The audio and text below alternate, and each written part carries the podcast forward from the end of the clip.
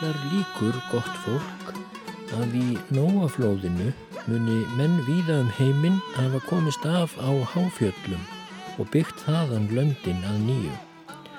Norðan og vestan í sínaveldi likur til að mynda fjallaklasi mikill og jöklum hulinn hið evra er kúenlún heitir. Þangað munu einnig menn hafa flúið og mun sínland hafa byggst þaðan að nýju því sínverjar rekja þangað ættir sínar enn í dag og kalla það aðsetur Guða sinna.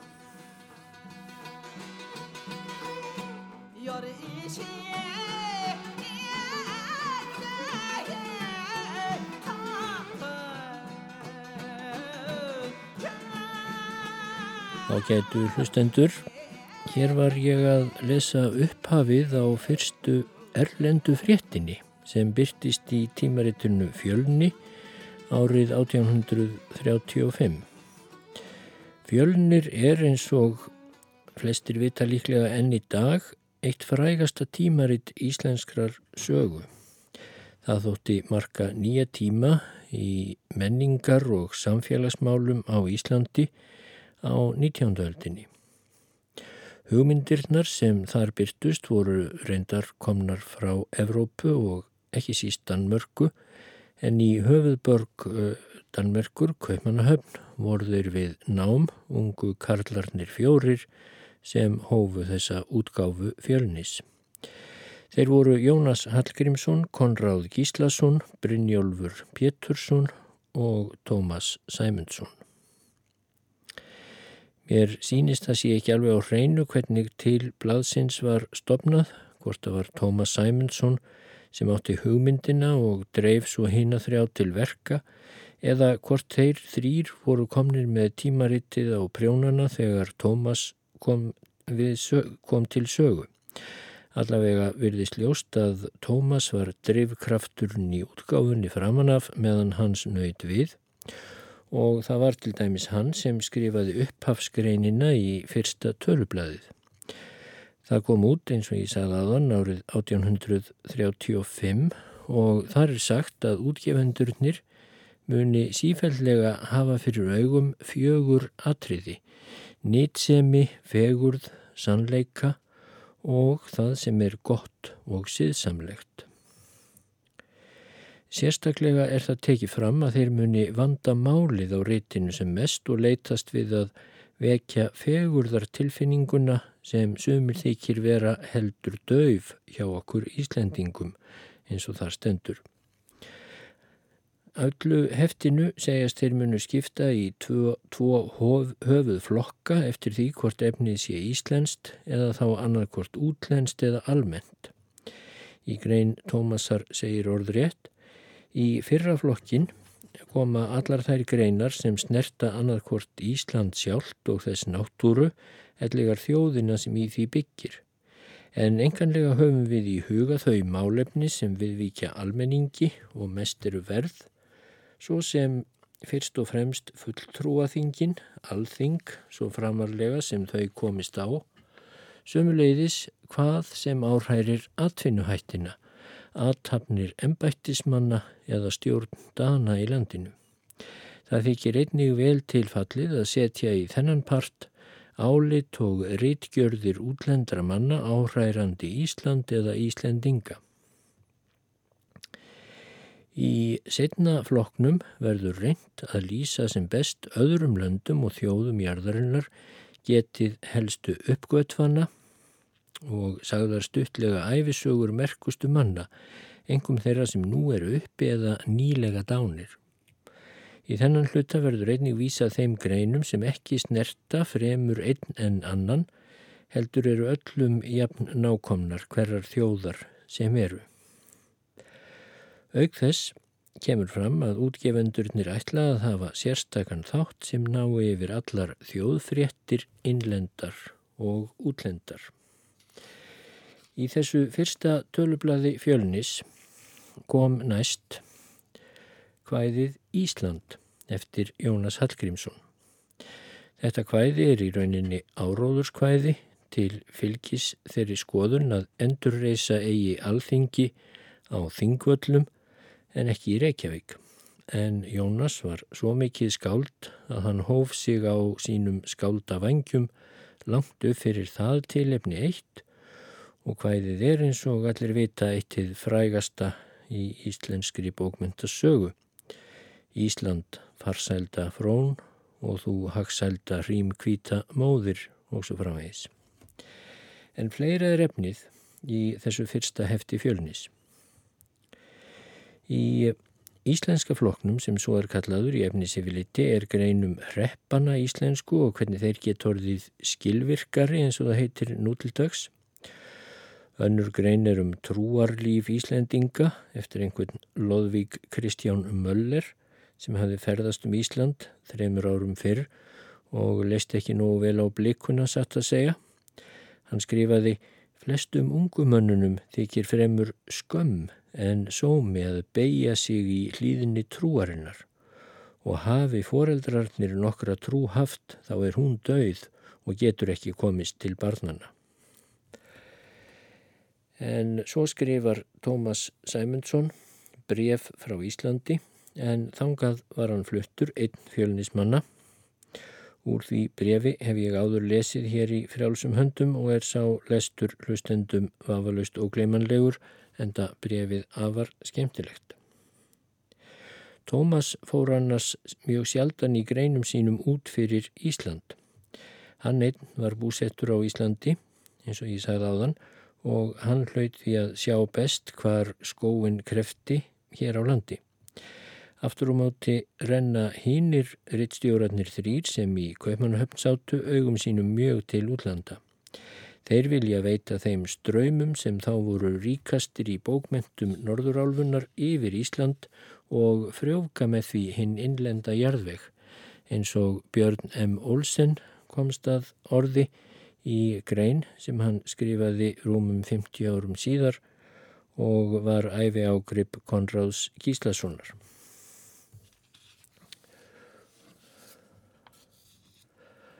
og eh, þeim, eh, þeir Jónas og Konráð skrifa megnið af efninu í hinnum eh, erlenda hluta fyrsta heftis fjölnis. Jónas skrifar þar ágæta alþýðilega grein náttúrufræðilegs eðlis um eðli og uppbruna jarðarinnar og aðra sem heitir af eðlistáttum fiskana.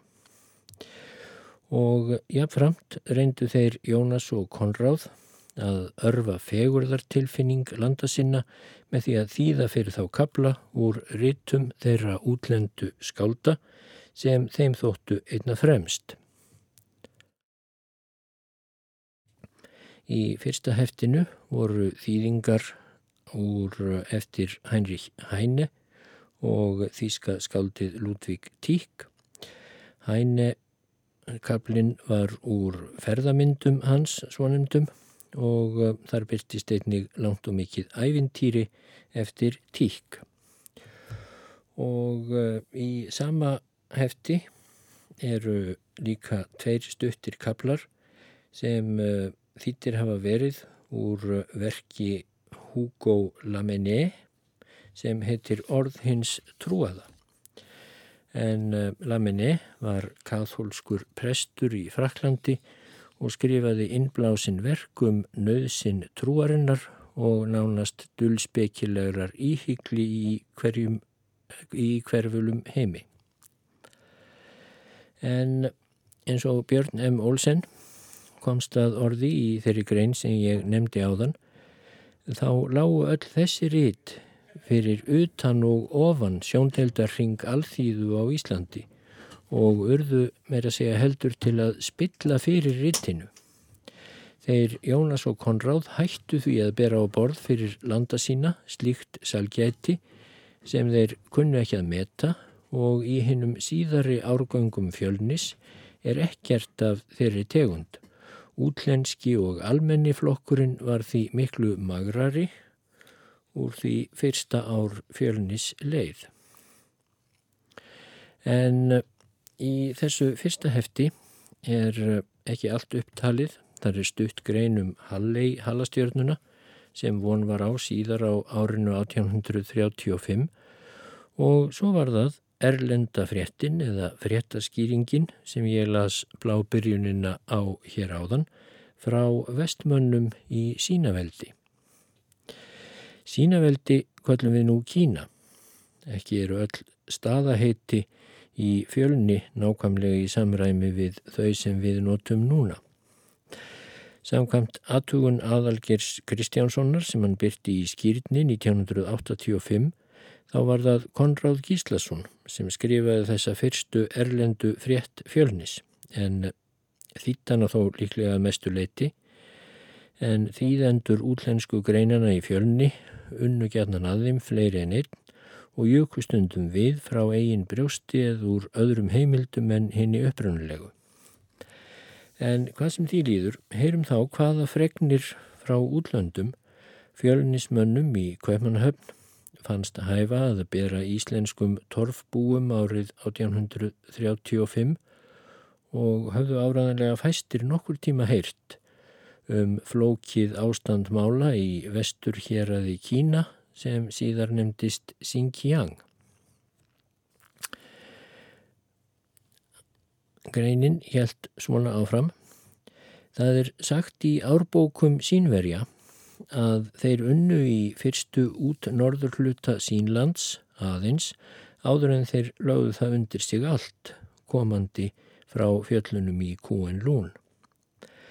Eins og indir frá heiminlæju en Þannig nefnir Konráð Indverja frá heimalægafjöllum eins og indir frá heiminlæju hafa mætt blökkumönnum og átt við þá ófrið þar til þjóðurinnar blönduðust. Alltaf einu hittu þessir menn frá fjöllunum í Kúenlún fyrir sér aðra þjóð þótt viðurregn þeirra við hana færi nokkuð á annan veg. Því svo þjóð varð ofurliði borin og flúði vestur á fjöll þau er hún enn byggir. Þessi þjóð heitir Mijá, fleiri þjóðir búa þar nú í fjöllunum. Svo er ein þjóð að Kíang nefnist og má vera enn fleiri. En allar þessar þjóðir kalla sínverjar nú vestumenn. 634 árum eftir Krist spurð höfðu vestmenn konung yfir sér en hann var undir konungur keisarans í sína veldi og honum skattskildur.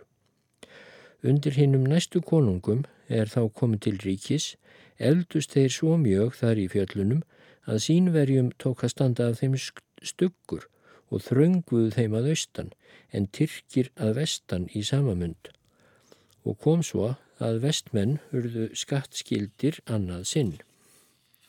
Þá er mongólar höfðu unnið sína veldi var landi vestmanna skipt í margar síslur, reistar borgir og víkirtar og byggðir kastallar á landamærunum, skipaðir síslumenn og þeim fengnir bústaðir og komið á klerkavaldi. Því vestmenn höfðu snemma tekið við buddutrú. Oft hafa þeir síðan risið upp á móti sínverjum en ekki borið styrk eða gæfu til að ná aftur frelsi sínu, eh, svo sem segir í sínverskum árbókum. Í miðöld að minnstakosti millum árana 1378 og 1411 áttu kvorutveggi vestmenn og sínverjar mikil kaup saman á landamæri. Ráku vestmenn þangað ógrinni rossa og tóku móti tegras tólf fjörðunga fyrir þau hross sem best voru en fyrir sum sjö fjörðunga eður fimm. Nú kemur lýsing á vestmönnum þessum sem hvað vera tekin úr árbókum sínverja. Vestmenn eru góðlindir og viðhafnarlausir og vilja ekki hvað sem í bóði væri yfirgefa fjallandið sitt, þótt bæði sé það aukt og kallt og meta vestmenn frelsið mesta sælu. Allir eru þeir sameinaður eins og einn maður. Ef úr þjóðefnum á að ráða eru allir aðspurðir, meiri menn og minni, embættismenn og embættislausir og leggur hver til það er honum sínist. Lítist hingheiminum vel á málið, þá er því framfeilt, annars ekki ef þorrin mælir í móti. Þótt vestmenn hafi marga bæi og borgir að auki vilja þeir þó heldur búa í tjöldum en undir þökum eða innan múra. Tjöldin er úr stryga eða hærusekk og hvað heita fúlú á þeirra tungu. Hver sveit heldur á ári hverju almennan fund. Þar vinnur hver maður öðrum órjúvandi trúnaðareiða og heita þeirri hjálp og aðstóð sem þeir mega veita til varnar og viðurhals réttindum sínum undir liðstjórn höfðingjana. Þriði ekkurt ár halda þeir annað þing, mun það vera nokkur skonar alþingi og munu þar koma saman allar vestmanna sveitir. Fela þeir sig þá að nýju og hendur höfðingjanum og sverja honum trúnaðreiða, sker þá allur þingheimur úr deilum millisveitana svo kurki hallast á. Á þessum þjóðsamkomum gjöra ætið fimm eða sex ungir menn að víjast til þjónustu við höfðingasinn og sverja það þjóðinni að hans líf sé í alla staði sitt líf. Þeir þjóna honum síðan drengilega meðan hann lifir og ef hann deyr þá veita þeir hver öðrum bana til að fylgja honum ufri í annan heim. Vestmenn þessir kunna kurki að lesa nýja skrifa, segir sínverski rittöfundurinn, en gerir þeir samninga sín á milli binda þeir spotta á spítu með svo mörgum hnútum sem þeir hafa samið um margt. Það eru hjá þeim helgustu samningar sem gerðir eru með þessum hnútarúnum. Vestmenn eru flestum mönnum hraustari og heilsubetri, þeir eru vaskir og vopnfimir og ágætir akurmenn. Þeir fyrirlíta hrættamenn og heilsulittla því þeir halda veikindi líkamanns komi til af hugleysi sálarinnar. Sá sem flýr óvinsinn er hjá þeim vanvirtur ævi langt og með honum öll hans ætt. Þeir binda tófuskott á húfu þess sem hrættur er, leiða hann fram hjá allir í sveitinni svo hver maður hlægi að honum og senda hann síðan heim með óverðingu. Meiri hegningu kunna þeir ekki og refsa þó harðulega smávegis afbrótum þeir skera burt nef, stinga út augu og annað því um lykt. Velgjörninga muna þeir hins vegar ævilangt og þakka. Klæðnaður vestmanna er eins konar dúkur sem þeir vefa sér sjálfur. Andleitið penta þeir gullt en konur þeirra flétta í hárið gimsteina og málmdoppur Höfðingjar og heldrimenn bera skart á brjóstum til auðkenningar, höfðingjasínir bera gimsteina, annað stórmenni gulldoppur, gildar silfurdoppur, liðsforingjar og aðstu ennbættismenn og þar niðri frá kopardoppur. Vestmenn hafa ekki söngtól nema bumbur og skelljar. Þeir byrja árið með kornskerutímanum og halda nýjársháttíð. Aðrir árstímar fara eftir kornvexti, kulda, hita og öðru þessáttar. Þeir hafa ekki lækna og neyta ekki læknistóma. Þegar einhver síkist þá er sóttur töframaður. Hann gerir stóran eld hjá sjúklingnum, brakar og bumbar og lætur öllum skrípalátum að fæla burtu íllan anda sem þeir egna veikindin. Verslun þeirra er ekki önnur en að kaupa lítið eitt af dúkvöru og aðrar smávegis nöðsinjar fyrir hjarður sínar en það eru mestan part hestar, nöyt og sögðir. Mentirnar eru mestar í því að búa sér til fött úr strigavefnaði og fleirum dúktegundum, einnig smíða vopn og hlýfar, hjálma, brinjur og örvar. Vestmenn borða fisk, ráan eða hertan í sólarhita, jarðar ávexti og enganlega mjölkurmat. Landið ber gull og silfur, kopar, tín og járn og hamp sem þeir búa til ímislegan vefnaður, einnig kveiti, svart korn, rauðar bönir og enn fleiri ætilega ávexti. Þar eru roskóð og sögðir með mörróur, úlvaldar með einum hnúð og silkisauðir. Þessi gæði gjalda vestmenn í skatt. Sömuleiðis lítil koparlikneski eftir fó goði sínu og dálitlar koparstrítur sem fó eru blótaðar. Húenlún er hæsta fjall þar í landi en Guðlá fljóta mest og tvö hof eru merkilegust sem byggð eru til virðingar tveimur þeirra velgjörðar mönnum.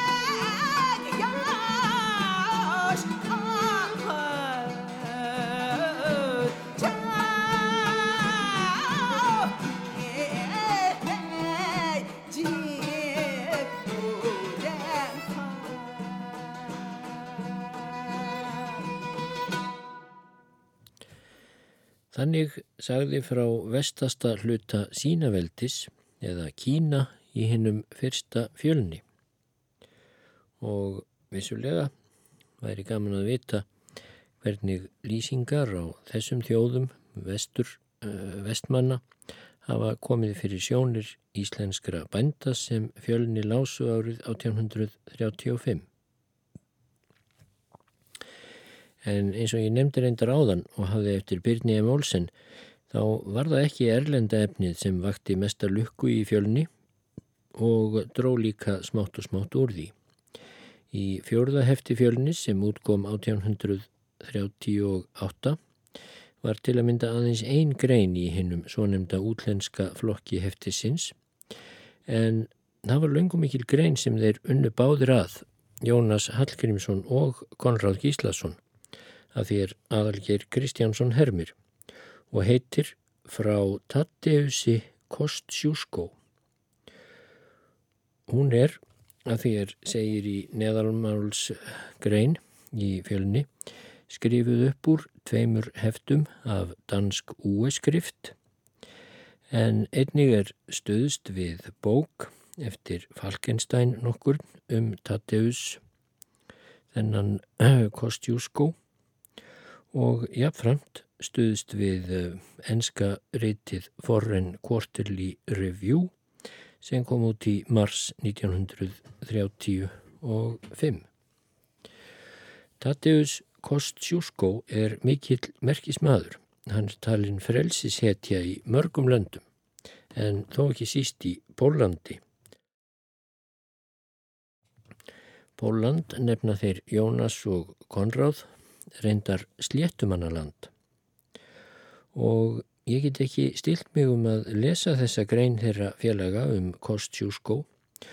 Hún hefur að því er mér sínist haldið nokkuð vel gildi sínu, sagfræðilega og enginn þarf á að gera við hana sérstakar aðtóasemdir þótt hún sé að verða 200 ára gömul og vissulega kannski skrifuð á örlítið öðruvísi máta en við myndum gera nú til dags. Þeir kunnu sitt fag á 19. aldar vísu þeir Jónas og Konráð sem og þeir höfundar sem þeir stuttust við. Ég ætla þess vegna ekki að hafa frekari formála að þessum lestri um Kostjúskó en þann að í nokkrar aldir, svo sem frá 1500 til 1700, Þá var sambandsríki Pólverja eða Sléttumanna, svo ég kalli þá samanabni og þeir Konráð og Jónas, sambandsríki Sléttumanna og Litáa, það var eitt stærsta og öflugasta ríki í Evrópu. Á átjándu öldinni fór hins vegar að fúna nokkuð hratt undan því ríki. Þróttur þess var Þorrin en nágrannaríkin, engum Rústland og Prústland, og í minnamæli Austuríki Habsborgarana gengur hratt á lægið. Þegar leiðað lokumaldarinnar seildust þessi nágrannaríki æg lengra inn á lendur hins gamla stórveldis sléttumanna og litáa en svo fór að landið var gjörsamlega horfið af landakortunum. En við þá sögu og framhald hennar kom Kostjús gómjög eins og númun brátt koma í ljós. Greinin í fjölni hefst á þessa leið. Kasimír Kostjúsko hefur maður heitið á Lithaugalandi.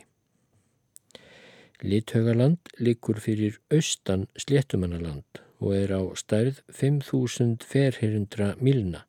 Það var í öndverðu stórhertogadæmi en varð sameinað sléttumannalandi 1569. Núna er það í valdi rússa. Það er eitt merkilegt um Lithaugaland að þar er skóur einn ákaflega mikill 25 mílur ummáls. Í þeim skói eru þrjú smáþorp Ekki er þar byggð önnur en elgir og vísundar ganga þar hjörðum saman. En það var um Kasimir Kostjúsko sem greinin hófst. Hann var lendurmaður en svo kalla þeir Konráð og Jónas aðalsmenn og stórlandigendur. Kostjúsko var lendurmaður og þó félítill, starfsmaður mikill. Hann átti tvær dætur, þótt ekki séu þær hér nefndar. En sonur hans hétt Tattius og var kallaður Kostjúsko eftir föður sínum. Hann var fættur 1746, en sumir segja tíu vetrum síðar og þykir það líkara. Kasimír föður hans skorti fér til að fá kennslu börnum sínum en hann hafði áður verið í liði þess höfðingja er Adam Tsartoriski er nefndur. Tsartoriski tók að sér Tatteus og kom honum í fóringjaskólan sem þá var nýstofnaður í Varskárborg af Stanislási konungi Poniatovski sem varð konungur í Sléttumannalandi 1764. Kostjúsko var svo íðinn í fóringjaskólanum að varðla finnast dæmi til slíks. Hann tók það til bræðs til að geta vaknað um óttu að binda strengum handlegsir og let strengin liggja út á milli hurðar og dýrastafs og beti opnheitumannin að kippa í á mornana um leið og hann lagði í opnin, seint á kvöldin þegar svefn sótti á Kostjúsko Fyrr en hann hefði lokið dagsverki sínu þá hafði hann fætturna niður í köldu vatni eða keldi með því háls og höfuð og helt svo vöku fyrir sér. Hann hafði áður í heimahúsum lagt mesta stund á sagnafræði og mælingafræði og var svo henn. Sléttumanna konungur hafði heitið að fá fér til utanlandsferðar fjórum þeim sem reyndust best að sér af fóringefnunum í Varskárborg og voru tólf tilnemdir að keppast um það. Einn af þeim var Kostjúsko og fór það sem líklegt var, bæði sækir hugvits og yðjusemi að hann reyndist vel. Síðan fór Kostjúsko að heiman og vestur á Frakland, þangað sem heitir í Versölum. Í þeirri borg er fóringjaháskóli. Þar var Kostjúsko nokkra vetur og stundaði bókmyndir í skjóli þess höfðingja sem áður er nefndur Adams Tsartoriskis, vinarsins og velgjörðurmanns. Eftir þetta snýri Kostjúsko aftur heima á Sléttumannaland sem sumir kalla Pólínaland og kom sér þá í herin. Leið ekki á löngu áður en Kostjúsko yrði sveitarfóringi. En skjótturðu umskipti á högum hans og allir því ástinn sem enginn fær í móti staðið hversu vitur sem er. Jósef Sosnovski var í þann tíma yfirmaður Lithaugalands, stór auðugur maður og mikill höfðingi. Hann átti dóttur þá er Lovísa hétt. Lovísu sá Kostjúsko í Varskárborg og lagði á hana ástarhaug. Ári síðar undir árslokin 1777 hafði svo herrfylking er Kostjúskó var sveitarhöfðingi í vetursetu á Lithaugalandi og voru honum þá fengin herbergi í gardi landstjórans. Þar fann hann aftur landstjóra dótturuna Lovísu og dróð þá fljótt saman með þeim. Þau duldu þess ekki og bára það upp hann fyrir föður hennar og hún fyrir móður sinni. En svo mikið var ættardram foreldra hennar að þeim þótti svívirðing til þess að hugsa ef dóttir sín egnaðist ótíin sveitarhöfðingja og bönnuð þeim að sjást og settu menn til að hafa gætur á þeim. En hvernig sem þau voru um setin, Kostjúskó og unnusta hans, tókst þeim öngvað síður að hittast. Fer svo fram nokkra stund, þánga til Kostjúskó þóldi þetta ekki lengur og býður unnustu sína að þau skulu hlaupast á brott. Lovísa leggur það á hans vald. Síðan búast þau til ferðar og komust úr gardinum á næturþeli og fóru um hríð svo þau eruð ekki vörfið að þeim væri eftir för veitt. Þykjast nú komin úr allri hættu og faðmast þau þá af mikilli gleði. Í því byli heyra þau hark kringum sig og háreisti og voru þar komnir menn landstjórans. Kostjúskó bregður sverði og ver af öllu megni unustu sína og særir marga menn, en svo lauk að hann fellur fyrir þeim yfir komin af sárum og mæði og veit ekki til sín, en unnusta hans er dreyin heim í landstjórakarðin. Kostjúskó lág í öngviti fulla eitt og er hann rankaði við, gekk hann til næsta þorps, þar sem einn vinur hans var í vetursetu, var hann þá bæði þreyttur og örfinglaður. Nú var horfin farsælu von hans og ekkert eftir af henni nema endurminningin og hvítur klútur sem unnusta hans hafið mist nóttina sem þau skildu. Kostjúskó laði aldrei huga á neina konu aðra, korki fyrr nýja síðar og var með öllu ófáanlegur til að konkast. Þóttunum byðust síðan oftlega góðir kostir, bæði á Fraklandi og Sléttumannalandi. Unnusta hans gat honum aldrei úr minni liðið og gamals aldrei varðan eins og ungur í annað sinn þegar hann myndist hennar lofísu sinnar.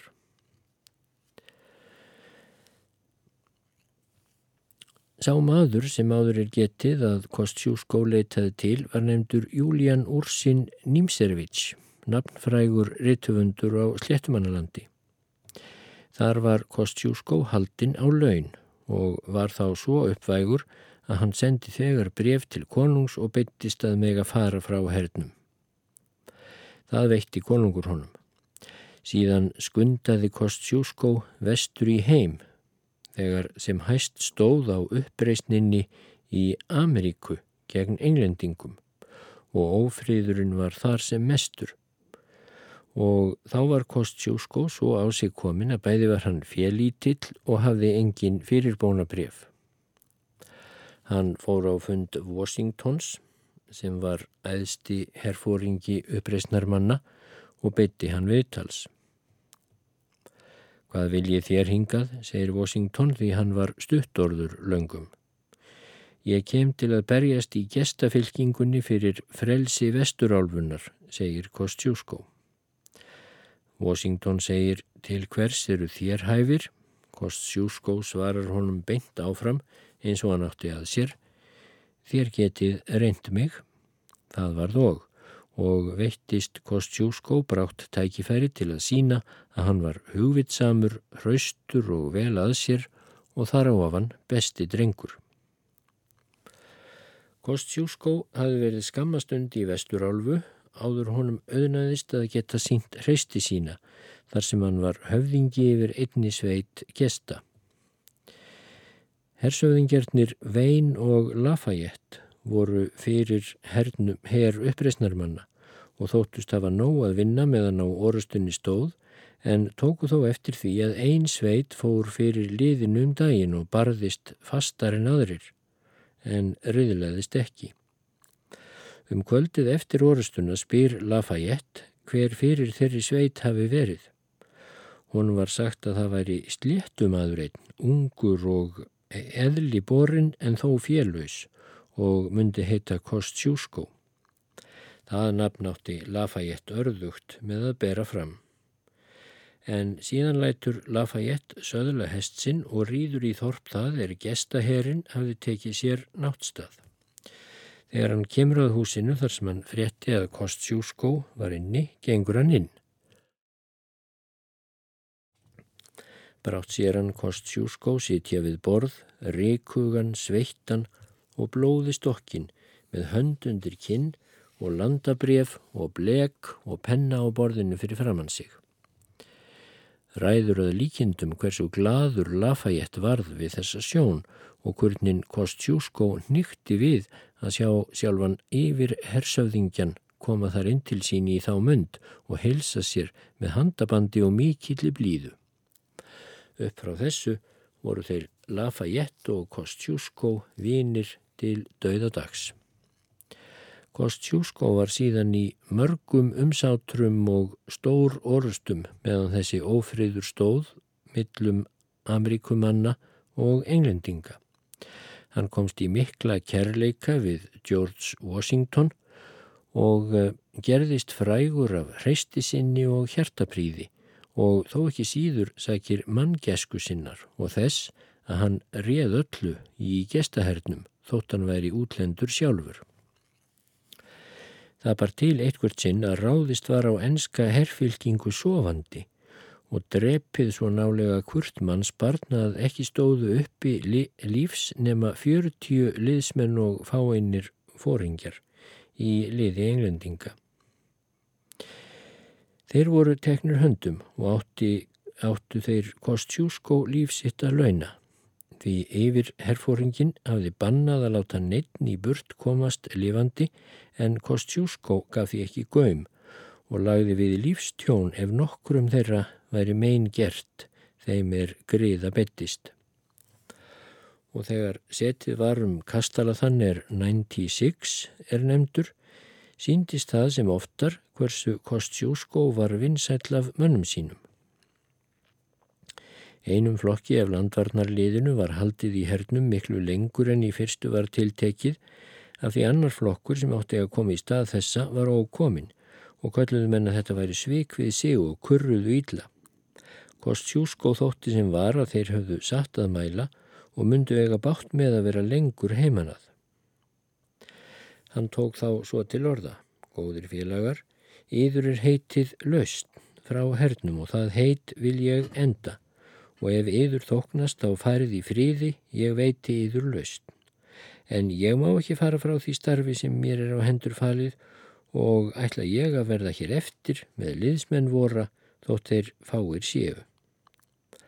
Þessi orð voru betri en nokkrar fortölur.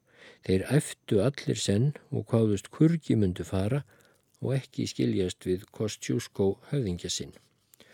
Og upp frá þessu vildi enginn þeirra fara frá hernum nema veikindi báru til eða önnur fullkomin nöðsinn.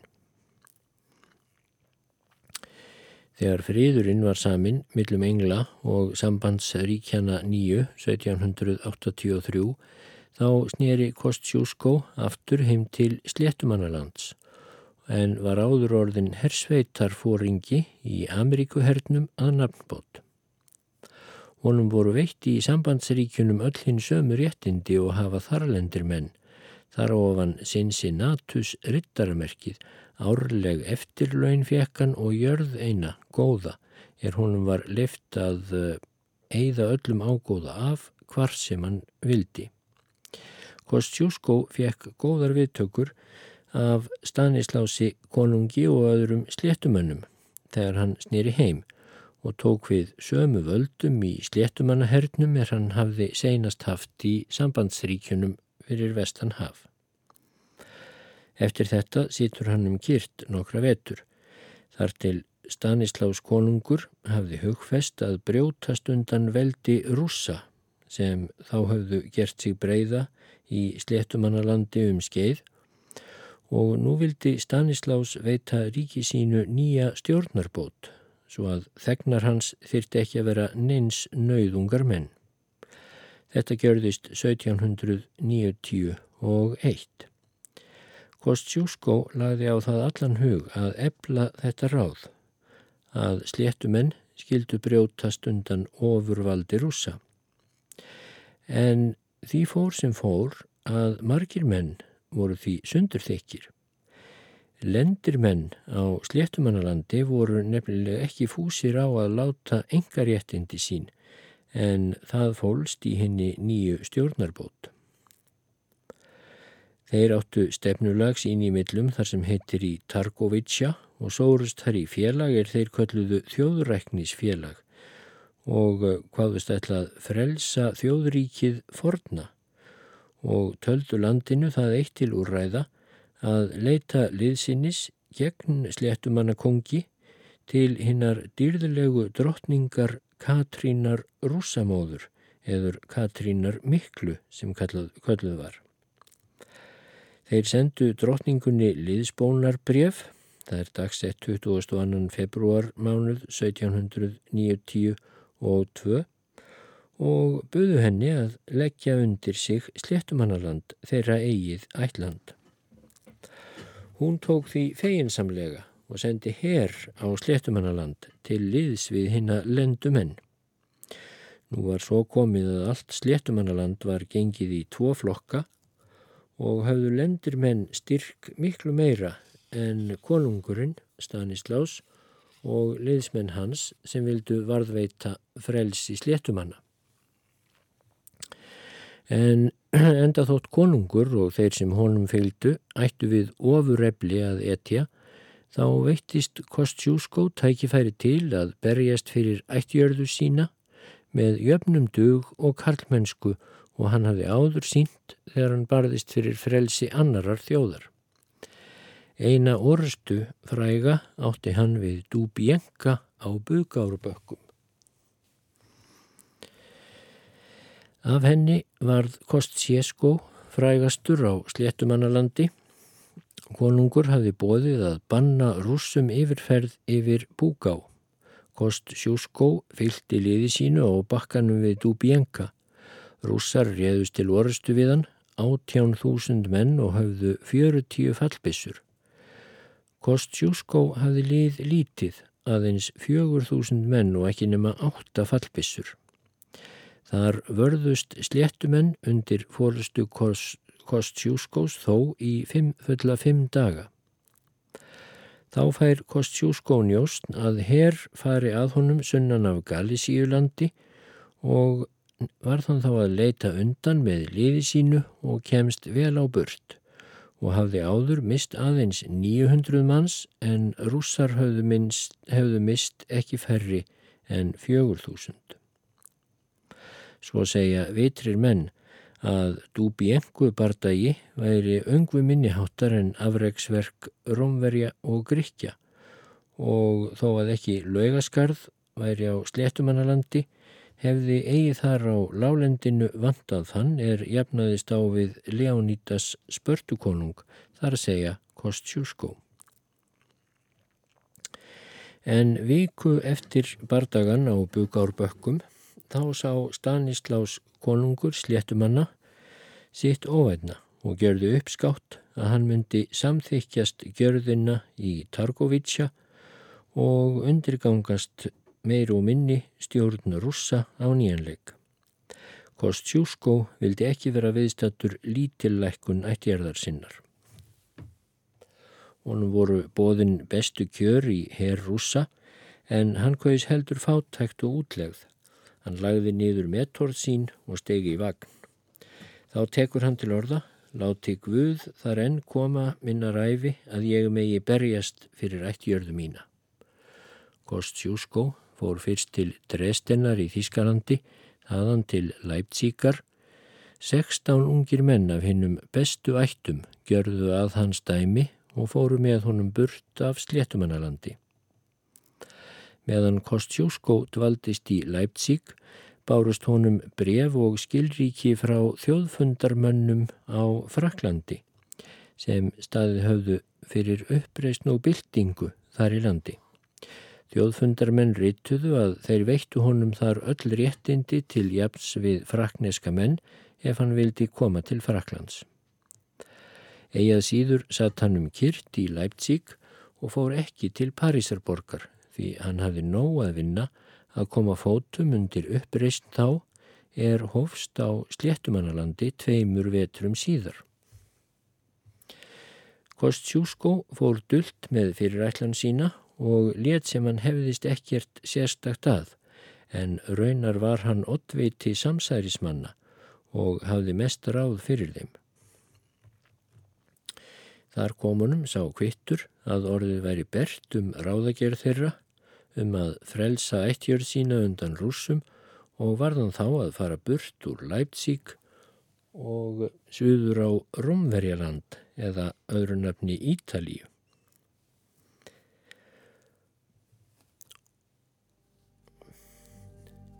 Ég sé það nú að þættinum er að ljúka. Uppreysnin sem kend var við Kost Sjúskó, hún er þó ekki enn orðin að veruleika. En hafi Kostjúskó ekki verið hetja áður þá varðan sannarlega hetja í þeirri uppreist eins og þeir Jónas Hallgrímsson og Konráð Gíslason rekja mjög vandlega og skemmtilega í áframhaldi greinarinnar um hetjuna Kostjúskó